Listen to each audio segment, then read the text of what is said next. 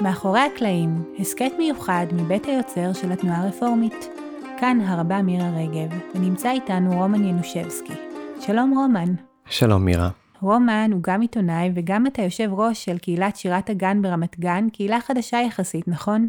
כן, יחסית חדשה. תודה שאתה איתנו, כאן האביב פורח, שקדיות, כלניות, אבל אה, לא רחוק מכאן יש ממש מלחמה עקובה מדם. ואתה בעצם אה, יוצא ברית המעצות, מתי הגעת אלינו? אני עליתי בשנת 2001, אז uh, אני 20, מעל 20 שנה בארץ. ושיתפת אותי שאתה מרגיש גם מאוד ישראלי, אבל גם מאוד מחובר לשורשים שלך, נכון? Uh, פשוט uh, יש לי, אני במקור בא מרוסיה, ויש לי הרבה משפחה וחברים ברוסיה, אבל במקור חלק מהמשפחה שלי מאוקראינה, ויש לי גם משפחה רחוקה שם, ויש לי גם חברים. אז uh, יש לי מעמד מיוחד כי אני רואה את הסכסוך הזה משני הצדדים. אני רואה איך תופסים אותו באוקראינה ואני רואה איך תופסים אותו ברוסיה. וזה מה שלדעתי עוזר לי להבין יותר טוב מה שקורה שם, כי אני יכול להשוות uh, שתי גרסאות, שתי השקפות, וגם כן uh, לראות איך זה משליך עלינו.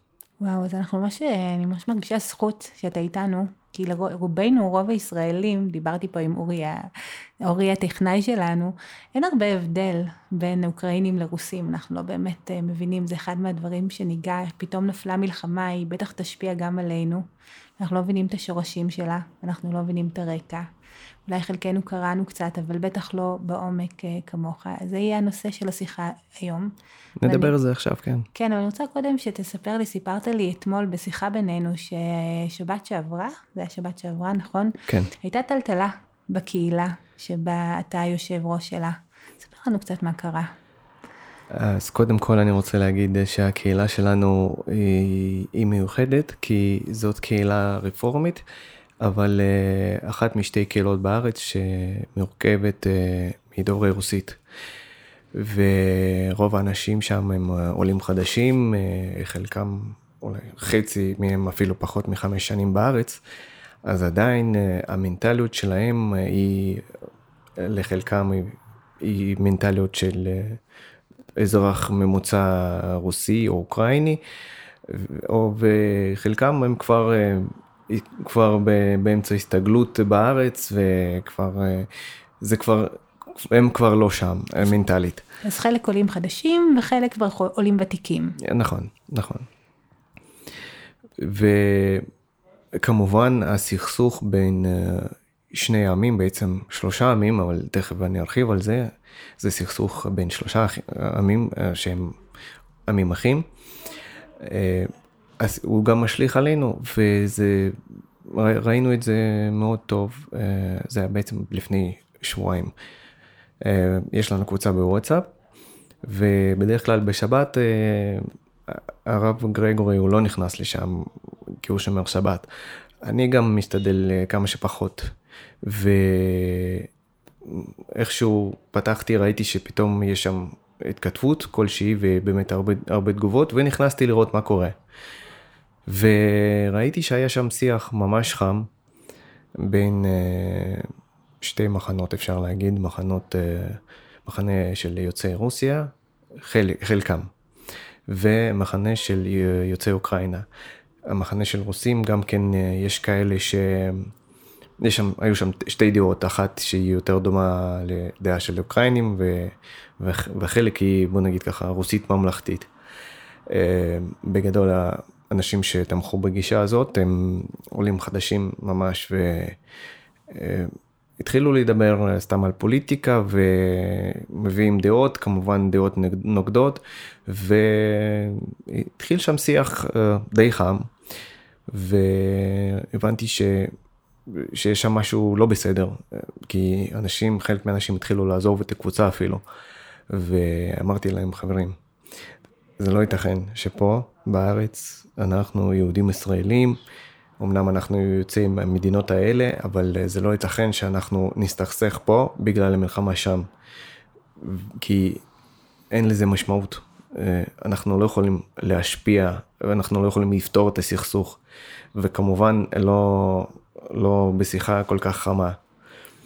והיו עוד אנשים שהתערבו ככה, כמוני, ואיכשהו ארגנו רוחות, כן. אה, ושכנענו אנשים שעזבו את הקבוצה לחזור, אבל אה, בסוף אנחנו, אנחנו לקחנו את זה לכיוון אחר. אמרנו, חברים, אנחנו לא מדברים בקבוצה הזאת על פוליטיקה, כי במיוחד במצב כזה, כמו שיש עכשיו, כשיש מלחמה, שיש אנשים שמתים, ש... כן, שיש דם ברחובות. דם ברחובות, נרסים בתים והרבה טרגדיות. אין טעם לדבר על זה. מה שכן אנחנו יכולים לעשות זה לעזור ולתמוך. אנחנו יכולים אה, לתמוך באחד אחד בשני, וגם אה, באנשים שאולי כן יצטרכו את עזרתנו. אגב, בקהילה שלנו אה, יש חלק מהאנשים שמצטרפים אלינו בזום. חלקם היו ישראלים ומסיבות משפחתיות כבר חזרו, אבל הם עדיין איתנו. חלקם עוד לא עלו, אבל... אה, זאת אומרת שיש לכם אנשים בקהילה שהם כרגע גם ברוסיה וגם באוקראינה? נכון, נכון, נכון. למי... זה גם השפיע על הסכסוך הזה. בטח, בטח. אז מה שאתה מספר לנו, סיפור נורא כואב, כן. שבעצם בתוך הקהילה שלך, שבת שעברה, היו אנשים שתמכו במלחמה. כן. והיו אנשים שממש נפגעו, שהמשפחה שלהם שם, וכמעט התפוצצתם. נכון, נכון. ואיכשהו הצלחתם להגיד, רגע, אנחנו בני אדם, אנחנו אנושיים, בואו כרגע נתגייס. ובואו נהיה ביחד, והצלחת בהנהגה זה היה קשה, זה היה קשה, ולא לא רק אני, חלק, כמה אנשים השתתפו כן. בזה, וגם במוצ"ש שהרב גרגור, הוא גם הצטרף אלינו, וככה באמת אה, זה היה קצת קשה להרגיע אנשים כי כולם כבר התחממו, אבל אה, לקחנו את זה לכיוון אחר. אמרנו, בואו נעשה משהו שיכול לבנות ולא להרוס. כן. אנחנו יכולים לעזור אחד לשני, וגם כן אנשים, יש הרבה אנשים במצוקה, שאנחנו כן יכולים לעזור להם. ועכשיו אה, הקהילה שלנו מקדמת כמה יוזמות של סיוע לאנשים שנמצאים שם באזורי מלחמה. לאנשים שעכשיו ברחו משם והם פליטים, חלקם עולים חדשים, חלקם אני לא בטוח אם בכלל הם שייכים ליהודים, לעם היהודי, אבל בכל מקרה הם אנשים במצוקה, ומה שאנחנו כן יכולים לעזור, ויש כמה יוזמות ממש נהדרות, ואנשים תורמים. רגע, אנחנו נגיע, נגיע טוב. לשם, נגיע, אבל אני, אני כבר, אנחנו הולכים לסוף, כן. שאנחנו רואים פה שרוסים, יהודים רוסים, ויהודים אוקראינים, ביחד עכשיו, בישראל, בזכות זה שהם בקהילה ביחד, הם מכירים אחד את השני דרך העולם היהודי, כן. הם יכולים אה, למצוא את הלב שלהם ולהתגייס למקום האנושי. אבל אנחנו נגיע לשם, כי עוד מעט נשאל בסוף גם מה התפקיד של, אה, שלי, של ישראלית שלא מכירה, ומה התפקיד שלנו, של התנועה הרפורמית. אבל אולי אתה יכול לספר קצת לי, ואולי גם למאזינים שלנו, איך הגענו לכאן? מה, מה קרה שפתאום יש הסלמה כזאתי ושעמים קרובים מדברים שפה מאוד דומה, אה, נכנסים לכזה מאבק עקוב מדם? זאת שאלה מאוד קשה, היא נראית פשוטה אבל היא מאוד קשה. אולי אני צריך לתת קצת רקע היסטורי ככה שאנשים יבינו. כן, אנחנו ניקח את זה בכמה כן. דקות, אבל אה, כן, שמעתי כן. שאתה יודע לעשות את זה. קודם כל אנחנו מדברים פה על אה, כיום על שלושה עמים אה, שהם אה, עמים אחים, רוסים, אוקראינים ובלרוסים. הם אה, די קרובים, אבל לכל אחד מהעמים יש שפה משלו, תרבות משלו, שבחלק זה כן דומה זה לזה, ויש דברים מאוד מיוחדים לכל אחד מה, מהעמים. ובמשך מאות שנים האנשים האלה, העמים האלה התפתחו ביחד אה, בשכנות, ואת את יודעת, במשך ההיסטוריה, גבולות המדינות הם הפכו מפה לשם, ובגדול, אחרי התפרקות של ברית המועצות, אה, יש לנו שלוש מדינות, יש לנו, היו לו יותר, אבל אם אנחנו מדברים על, על, על העמים הספציפיים האלו, היו שלוש מדינות, בלרוס, אוקראינה ורוסיה. וחלק מהאנשים שהיו גרים בברית המועצות, ובמיוחד אה, המנהיג הרוסי הנוכחי ולדימיר פוטין, הם חשבו שזאת טרגדיה, טעות היסטורית שברית המועצות התפרקה, ושתפקידו אה, לתקן את הטעות הזאת, לאחד את כולם תחת הנהגתו, ולאסוף את האדמות האבודות, ושיש לו צבא ויש לו כוח פוליטי וכוח שכנוע, והוא... יש לו השפעה מאוד, מאוד אה, רצינית על המדינה הקטנה של בלרוס, שהיא בלי רוסיה היא לא יכולה להתקיים, לא מבחינה כלכלית ולא מבחינה פוליטית. ואוקראינה זאת הייתה מדינה עצמאית אה, מתחילות, מתחילת שנות התשעים. וחלק גדול מאוקראינה, בוא נגיד ככה, בזמן, בזמן ברית המועצות, אה, גם גבולות של אוקראינה היסטורית השתנו. היו, אה, בברית המועצות אה, הייתה תזוזה של אנשים, והיו הרבה דוברי רוסים שעברו לגור באוקראינה, והיו הרבה אוקראינים שעברו לגור ברוסיה, ודי התערבבו כולם. בגלל זה, אם אתם תשאלו כל אחד אה, יוצא מאוקראינה או רוסיה, אז הוא בטח ימצא שם, אם לא משפחה, אז חברים פה ושם. וגם כן לאוקראינה, בוא נגיד ככה, היסטורית, הוסיפו כמה אזורים שהם פעם היו שייכים לרוסיה, וזה גם כן, אה, מפה יש גם זרעים של הסכסוך. זאת אומרת, גם, תקן אותי אם אני טועה, ויש סיכוי גדול, אה, שבעצם מצד אחד יש, הייתה המון פתיחות, והיה מעברים פתוחים, ורוסים ואוקראינים. מדינה. אחת. מדינה אחת, והם התחתנו אחד עם השני, נכון. אבל עדיין הם הרגישו שני עמים נפרדים. אז היה גם נכון. משהו מאוד ביחד, אבל גם משהו שכל אחד רוצה את הזהות שלו. נכון, נכון. אז אני אמרתי שוב שלכל אחד מהעמים יש את השפה משלו. כן. וגם תרבות משלו, ויש פערים תרבותיים. אז בוא נגיד ככה, לכל אחד מהעמים יש את הפנים משלו. וגם כן אם אתה פוגש מישהו ככה ברחוב ומתחיל אה, לדבר איתו, אתה ישר קולט שהנה הוא יוצא אוקראינה או הוא יוצא בלרוס. אז בעצם אוקראינים האוקראינים אמרו, רגע, אנחנו רוצים עצמאות, אנחנו לא רוצים להיות חלק מרוסיה הגדולה. נכון, זה נכון. הדעה הרווחת באוקראינה? אז אה, זהו, שהיו די, אה, שתי, שתי דעות באוקראינה עד אה, שנות האלפיים. וב-2004 הייתה שם מהפכה כתומה, שדווקא הכוח הפרו-אוקראיני זכה בו. עם הזמן רוסיה הצליחה לשים נשיא שהוא פרו-רוסי, שהוא היה עבריין אה, והוא היה תחת השפעה של אה, פייסב ובכלל של קרמלין. כן. והייתה שחית, שחיתות חוגגת בכל המדינה עד אה, סוף 2013. ואוקראינים הם אמרו, טוב, אנחנו לא רוצים להיות האח הקטן של רוסיה, אנחנו רוצים להיות עצמאים. הם הסתכלו לכיוון אירופה, והיו שיחות עם אירופה על הרי יש כל מיני סטטוסים של התחברות לאיחוד אירופי, יש associate member, כן. אה, מעמד כזה ש, שהם אולי הם היו כמו חברים מאוד קרובים של EU, אה, אבל לא חלק מ-EU. וזה מה שהם רצו, והנשיא הפרו-רוסי הזה, הוא ביטל את כל המשא ומתן, וכשהייתה שחיתות, אה, אנשים יצאו לרחובות ואמרו, אנחנו לא, לא רוצים אותך פה.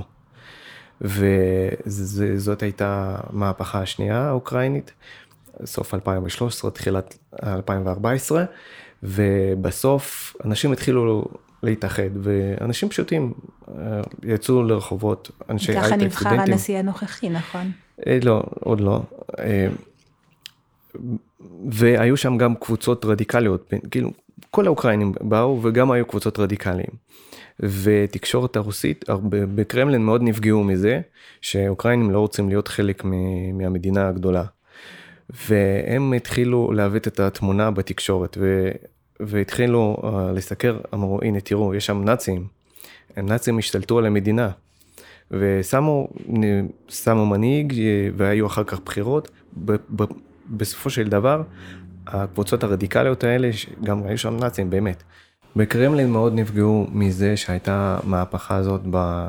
בתחילת 2014, אה, כי הנציג שלהם, הנשיא אוקראינה, הוא ברח, ומצאו שם ארמון שלם אה, עם הרבה דברים שהוא גנב, והיה די ברור שכבר אין השפעה של רוסיה על קייב כמו שהייתה פעם.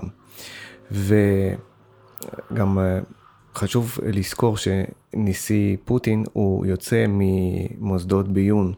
כן, ו... מהקג"ב, לא? נכון, וזה מאוד משפיע על אופן החשיבה שלו, כי כל אחד, אה, ש... לכל אחד אה, המקצוע שיש לנו זה משפיע עליו. בטח. עליה. וכמובן שזה משפיע על בן אדם כזה, ואז אה, כל דבר מה שקורה, הוא לא מאמין שאנשים יכולים סתם לצאת לרחובות ולהגיד שהם לא מסכימים. הוא תמיד חושב שיש איזה CIA או מישהו אחר מ-5, מי שעומד אחרי זה ומארגן הכל. והוא באמת חושב ככה. וזה מה שהוא חשב, והוא, אמר, הוא טען ש-CIA אה, התחילו אה, לעזור לאנשים ולארגן את זה, והקבוצות הרדיקליות אה, עלו לשלטון, והתקשורת הרוסית, שהיא מאוד מגויסת, התחילה לסקר את זה כאילו קבוצת נאצים השתלטה על מדינה, ועכשיו היא נגד רוסיה. ואז כל פעם בחדשות היו מראים, כל, חיפשו כל כל פרט קטן שכן יכול לתמוך בגרסה הזאת, אז כמובן שיש אנשים רדיקליים בכל מדינה וגם מרוסיה. אני אבל... רק רוצה שנייה לעצור כן. רגע על הסיפור הנאצי, כאילו, כי לנו פה זה קודם כל יכול מאוד להפעיל ישראלים, אז בואי שנייה רק, יש אנטישמיות לא קטנה באוקראינה, נכון? מהמקום הזה הגיע המקום הנאצי, איך פתאום התחילו להגיד שהם נאצים? אם אנחנו נסתכל אחורה, אנחנו נראה שבהיסטוריה באמת אה, אה, הייתה השפעה של אנטישמיות באוקראינה, באמת זה היה די רחב. היו פוגרומים אה, בזמנו, אה, וגם כן בזמן השואה באוקראינה, באמת אנחנו רואים לפי עדויות, לפי מסמכים היסטוריים, אנחנו רואים שבאמת אה, חלק מהעם האוקראיני הוא השתתף בכל הדברים הנוראים האלה. אבל מצד שני גם היו הרבה אוקראינים שכן אה, עזרו ליהודים והסתירו אותם אה, אצלם בבית וחלקם אפילו נרצחו בגלל שהם הסתירו אותם אה, ונאצים רצחו אותם. ואתה אומר שבעצם זה האשמה והעללה, כאילו אתה רוצה להבהיר לנו שאי אפשר לזהות את האוקראינים לא, עם נאצים. אני רוצה להגיד שאין שחור ולבן, יש, mm. יש חיים, ויש כן, אנשים ככה ויש אנשים ככה. זה לא שחור ולבן, אף פעם. וחלק מהעם האוקראיני עדיין אה, אנטישמי, זה נכון. אבל מה שכן, זה כבר, זאת לא תופעה רחבה, רחבה כמו שזה היה פעם. וזאת קבוצה יחסית קטנה, והיא כמעט ולא משפיעה. כן, שזה אנחנו... מה שחשוב להגיד, זה מה שחשוב שלנו כישראלים כן. שנדע, בטח כשאנחנו קולטים פליטים מאוקראינה עכשיו, כן. שזה לא הקבוצה המשפיעה באוקראינה. נכון, אם אנחנו גם נסתכל על שלטונות, אז uh, כל הטענות uh, הרשמיות uh, הרוסיות שהנאצים, קבוצות הנאצים uh, שולטים במדינה, זה לא נכון. Mm. היו בחירות uh, קצת לפני קורונה באוקראינה, ונבחר שם נשיא המדינה שהוא יהודי. אם המדינה הייתה אנטישמית, אז הוא בחיים לא היה נבחר. בוודאי. וגם כן, התנועות הרדיקליות, הם לא זכו במקום אחד אפילו בדומה, בפרלמנט שלהם. זאת אומרת שאם הייתה להם השפעה, השפעה כלשהי, אז זה כבר, הם כבר לא שם. אז מה שאתה אומר שזה ממש עלילה. זאת אומרת שקצת כן. רוסיה, אה, ואני לא רוצה לסבך, אבל שרוסיה בעצם קצת העלילה על אוקראינה, אתה מסביר לנו איך זה ממש היה ככה. אני אומר שיש פה הרבה פוליטיקה והרבה תעמולה, כן. שזה מופץ דרך התקשורת הרוסית. ואם אנחנו מסתכלים על שתי דעות, למה יש אנשים שתומכים בהכנסת כוחות למדינה אחרת, אז חשוב להבין שהתקשורת המגויסת הזאת, היא הייתה משכנעת את הנשים במשך אה, הרבה שנים, אה, והייתה נותנת להם תמונה לגמרי מעוותת על מה שקורה. זאת אומרת, הרבה, יש הרבה רוסים שקנו את זה, כי הרבה שנים אמרו לנו, אמרו להם, תקשיבו, יש שם פה קבוצה נאצית שמשתלטת ולא נותנת לנו להיות רוסיה אחת הגדולה. נכון, נכון, הם היו, הם הגזימו ברמות על מה שהיה, וגם גם שיקרו, וגם המציאו דברים. אבל אה, זה כן איכשהו השפיע על חלק מהעם, ואם אנחנו מסתכלים עכשיו, מסבירים להם, טוב, אנחנו באים לשחרר את אוקראינה מנאצים, אז העם של אוקראינים הם עוד ישמחו שאנחנו mm. נבוא ונשחרר אותם, ניתן להם חופש ונעזור להם, ואחת המטרות של, שהוא, של המלחמה הזאת שהגדיר פוטין, אגב הוא לא קורא לזה מלחמה, הוא קורא לזה מבצע מיוחד, mm. ועכשיו אפילו יצא חוק שמי שקורא לזה מלחמה, הוא יכול או לקבל קנס או אפילו ללכת לכלא. כן, שמענו על זה בחדשות. אז עכשיו גם כן, כשאם אנחנו רואים חדשות ברוסיה, אז אנחנו רואים אה, תמונה אחרת לגמרי על מה שקורה אה, באוקראינה בזמן המבצע המיוחד הזה, שמסבירים לאנשים הפשוטים שזה מבצע שמנסים אה, להשתמש בנשק מדויק, בפצצות מדויקות, ולא בגלל זה, זה כל כך לוקח זמן עד שהם יצליחו. למרות שלדעתי התכנון היה לעשות בליטקריג, אה, להיכנס די מהר, כנראה שהרעיון היה שהכוחות אה, הרוסים ייכנסו וכל הצבא האוקראיני פתאום... אה, יגיד ברוכים הבאים. זהו, שאנשים יזרקו עליהם פרחים. והיום ראיתי באחת הקבוצות הפרו-אוקראיניות. זה באמת חשבו ככה, שאתה חושב שהם באמת חשבו שכאילו יהיה כן. פה איזה חיבוק תודה שהצלתם אותנו, כן. אז יש שני נרטיבים, למרות שהעמים היו קרובים, וכן מבינים אחד את השני, שני נרטיבים שלא שמעו אחד את השני. נכון, נכון, ופה יש עם ש... שהוא מובדל, בוא נגיד ככה, כן. והמידע שהוא מקבל הוא מידע מאוד מעוות. אז מה שאתה אומר, רגע, אני רוצה שנייה לדייק זה שכשהתקשורת, ואולי זה משהו שאנחנו כישראלים צריכים גם מאוד לדעת, כי גם אנחנו לא שומעים הכל, שכשהתקשורת אה, מאוד מצונזרת... לגמרי. בתור עיתונאי אומר כן. לך שאצלנו בארץ, התקשורת לא מגויסת, למרות שלפעמים אה, יש כל מיני שיקולים פוליטיים ויש סקנדלים פה ושם, אבל זה לא אותו כן, דבר. כן, אבל אפילו שאנחנו אומרים שבפייסבוק אנחנו שומעים רק את החברים שלנו, אז כאילו שנדע נכון. כמה תקשורת תמיד יכולה לגרום לנו לחשוב שאנחנו יודעים, ואנחנו בעצם ממש לא יודעים מה קורה שם בחוץ. אחרי המהפכה ב-2014, רוסיה התחילה לפעול. הכניסו כוחות לחצי עם קרים וכבשו את חצי עם קרים כן. ובאמת זרקו פרחים על חיילים אה. כי בזמנו החלק הזה לא היה שייך לאוקראינה ורוב האנשים שהיו גרים פה הם לא היו אוקראינים. אז הם חשבו שזה יקרה כמו שקרה בחצי האי קרים. כן, בדיוק. וגם כן במזרח אוקראינה היו שתי, היו שני אזורים שאנשים מ-FSB וממוסדות ביון הרוסים, בוא נגיד ככה, הם אה, עשו בכוונה, אה, בנו שם סכסוך מלאכ, מלאכותי.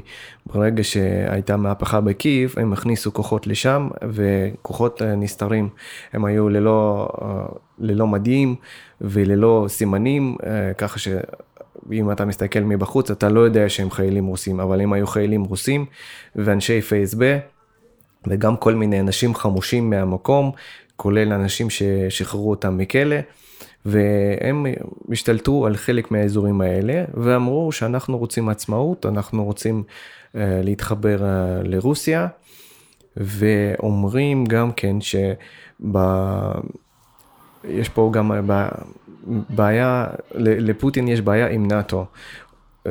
הוא תמיד חוזר על זה, ואם אנחנו נסתכל על, על אמנת נאט"ו, אנחנו נראה שאחד הסעיפים אומר שמדינה שיש איזה סכסוך בתוך המדינה הזאת, או על הגבולות שלה, היא לא יכולה להיות חברה בנאט"ו. ונראה לי שפוטין עשה את זה בכוונה, שיהיה סכסוך כזה על אש קטנה. כדי שאוקראינה לא תוכל ש... להצטרף. כדי שלא יצטרפו. יש אותו דבר כן. למולדובה ואותו דבר לגיאורגיה. זה בעצם ביקשו להצטרף, ונכון, התהליך הזה הולך עכשיו להיתקע, או שאנחנו לא יודעים בדיוק מה הולך לקרות. זה נעשה הכל בכוונה. וזאת הסיבה שעדיין הסכסוך שם, שם הוא מתקיים וגם כן זה, זה היה תירוץ של פוטין עכשיו להכניס כוחות, הם אה, עשו כאילו יש יותר ירי בגבולות, כאילו צבא אוקראיני עומד לפלוש, למרות שהצבא הרוסי כבר התרכז מול גבולות של אוקראינה. Mm. ובעצם לא הייתה שם שום התחממות, זה סתם תירוץ. ובסופו של דבר פוטין הכניס את כוחותיו ואנחנו יודעים מה קורה שם עכשיו, אנחנו רואים את זה בחדשות. אנחנו שבורי לב כן. ממה שקורה מאוד אה, מאוד מאוד קשה, אני לא ישנה בלילות, אני בטוחה שיש הרבה מאוד אנשים וכל כך הרבה התארגנות. כולנו. אמ, ברור שהמלחמה מעניינת אותנו, אבל אני, אה, כי אי אפשר להתעלם מהתמונות האלה. אני חושבת שכישראלית, ובכלל, אנחנו שומעים, רק היום שמענו בעצם שארצות הברית אה, לא קיבלה את ההצעה, נכון, של לקחת את המטוסים הפולנים, והיה... כן. מה, זה מאוד מבלבל, מה התפקיד שלנו, וגם אני לא רוצה שדווקא ניכנס לפוליטיקה, כן, כאילו, עם בנט ומה שהוא עושה, אני רוצה לשאול אותנו, איך אתה מבין, אתה יושב ראש קהילה, יוצא מרוסיה, יש לך חברי קהילה גם אוקראינים, אז לך זה ברור שזה נוגע, אבל גם אותי כישראלית וכרבה וכיהודייה רפורמית, איפה, איפה זה, תכוון אותי, איפה זה יכול לפגוש אותנו ברמה יותר עמוקה? מה אנחנו צריכים לעשות עכשיו? איך אתה, איזה חזון אתה יכול לפרוס לנו של אה, הבנה, עשייה? קודם כל אני מאמין בזה שאם יש משבר ויש אנשים במצוקה, תמיד צריך לעזור. שזה מאוד אתי ומאוד נכון לעשות. זה מציל חיים. אז קודם כל האנושי וההומניטרי. אה, כן, אבל זה גם יהודי. כן, זה מאוד יהודי. מאוד יהודי, נכון. כל המציל נפש אחת, כאילו נכון, הציל עולם ומלואו. נכון, נכון מאוד. ואני חושב שאם אנחנו לא נעשה זאת, זה, יהיו לזה השלכות שליליות. אם אנחנו, מכל מיני מובנים. ואם אנחנו כן נעזור, יהיו השלכות חיוביות. אז בוא, בוא תסביר לי קצת את המשפט הזה. כי עכשיו כשיש מלחמה, את יודעת, אה, אנשים אה, מאוד מחפשים תמיכה. כן. ואם הם רואים שמישהו לא תומך בהם, אז הם חושבים שזה מישהו עוין להם. אבל אה, אני חושב ש... שוב, אני אומר, אם יש מישהו במצוקה, תמיד צריך לעזור לאותו בן אדם, אפילו אם הורים שלו או סבא, סבאים שלו, אפילו אם, אם הם עשו לנו בעיות ולא התייחסו אלינו יפה, עדיין אה, צריך לעזור להם, כי אנחנו מסתכלים, לא מסתכלים אחורה, אנחנו מסתכלים קדימה. אז פה אתה אומר עוד משהו, אני רוצה להתעכב, שנבין את הגודל, זאת אומרת, גם אם אה, סבלנו מאנטישמיות מאוקראינה, והגיעו פה פליטים, ויכול להיות שסבא שלהם היה מאוד אנטישמי, ואנחנו לא רוצים לדעת אה, במה הוא תמך, ואולי אפילו מה הוא עשה, זו הזדמנות לתיקון. אנחנו יכולים להגיד, בוא, נ, בוא, בוא נרפה מזה, עכשיו הוא פליט, ואנחנו כי אנחנו יהודים, ואנחנו זוכרים את זה שכגר היינו בארץ מצרים, ואנחנו לא נעשה את זה, אנחנו ידענו את נפש הגר, אנחנו יכולים לתקן פה, זו אמירה מאוד זה גדולה. זה בידינו, זה בידינו, אנחנו, יש לנו כן. הזדמנות לעזור לאנשים במצוקה, וגם כן, אפילו אם, אם, ה, אם הם עדיין בספק אה, איך להתייחס אלינו, לא אנטישמים, אבל אם אם הסבא היה אנטישמי והוא מילדות סיפר משהו, סיפורים, הם אולי עוד לא אנטישמים, אבל הם שמעו מהסבא שלו מה הוא אומר. כן. ועכשיו אנחנו יכולים להראות להם שאנחנו לא כמו שהסבא שלו חשב עלינו. וזה באמת אה, אולי משהו קטן, אבל אה, זה לא קטן. משהו מאוד גדול, זו הזדמנות היסטורית אה, נדירה ומרגשת. שאנחנו לא נמצאים בעמדת הקורבן, אנחנו יכולים לשנות לטובה את גלגלי ההיסטוריה. נכון. מאוד מאוד מרגש. אמ, התנועה הרפורמית אה, בעצם אה, הוציאה לפני כמה ימים, הנהלת התנועה הרפורמית הציעה בצעד, אני חושבת שהוא אמיץ, אה, עמדת תמיכה באוקראינה. למרות שכאילו היה נראה שישראל, זה היה עוד כשאיילת שקד הביעה את העמדה המתלבטת או אפילו מסתייגת לקבל אה, לפה פליטים בלי אה, פיקדון ערבות. והתנועה הרפורמית אמרה בואו נפתח את השערים, אנחנו אה, רואים בזה משבר הומניטרי, והחובה היהודית שלנו זה לפתוח את השערים. ואני רוצה, אני שומעת מהדברים שלך ואני חושבת שחשוב אולי שנשמע ממך יותר מה אתה רוצה להגיד היום לכל יהודי ויהודייה וישראלי וישראלית שנמצאים פה ביחס למשבר הזה? מה, מה התפקיד שלנו? לישראל יש סיבות אה, פוליטיות לא לקחת צד בסכסוך הזה. אבל אנחנו, תנועה רפורמית, אנחנו לא גוף פוליטי. כן. ואנחנו יכולים להרשות לעצמנו לעשות את מה שצריך לעשות, מה mm-hmm. שנכון לעשות. ואני מאוד תומך בנייר עמדה הזה, ואני מאוד תומך בזה שאנחנו נסייע לאנשים במצוקה, כי זה הכל חוזר לעצמו, ואולי מתישהו גם נצטרך את אה, חס וחלילה, אבל אולי גם נצטרך את אה, עזרה של אה, עמים אחרים ומדינות אחרות. אנחנו, אי אפשר לדעת. אבל אה, עדיף שיהיה לנו יותר חברים מאשר שיהיה לנו יותר אויבים. כן, למרות שפה אנחנו נוקטים עמדה, אבל העמדה שלנו היא באה ממקום מוסרי יהודי ונותן לנו, יש לנו עוגנים במסורת שלנו, בדת שלנו, בתרבות שלנו, שמכוונת אותנו מה נכון לעשות. ובמקרה הזה, זה נראה שהתשובה היא מאוד מאוד ברורה. רומן, איך אתה, איך אתה ישן בלילה? מה, מה שלומך עכשיו?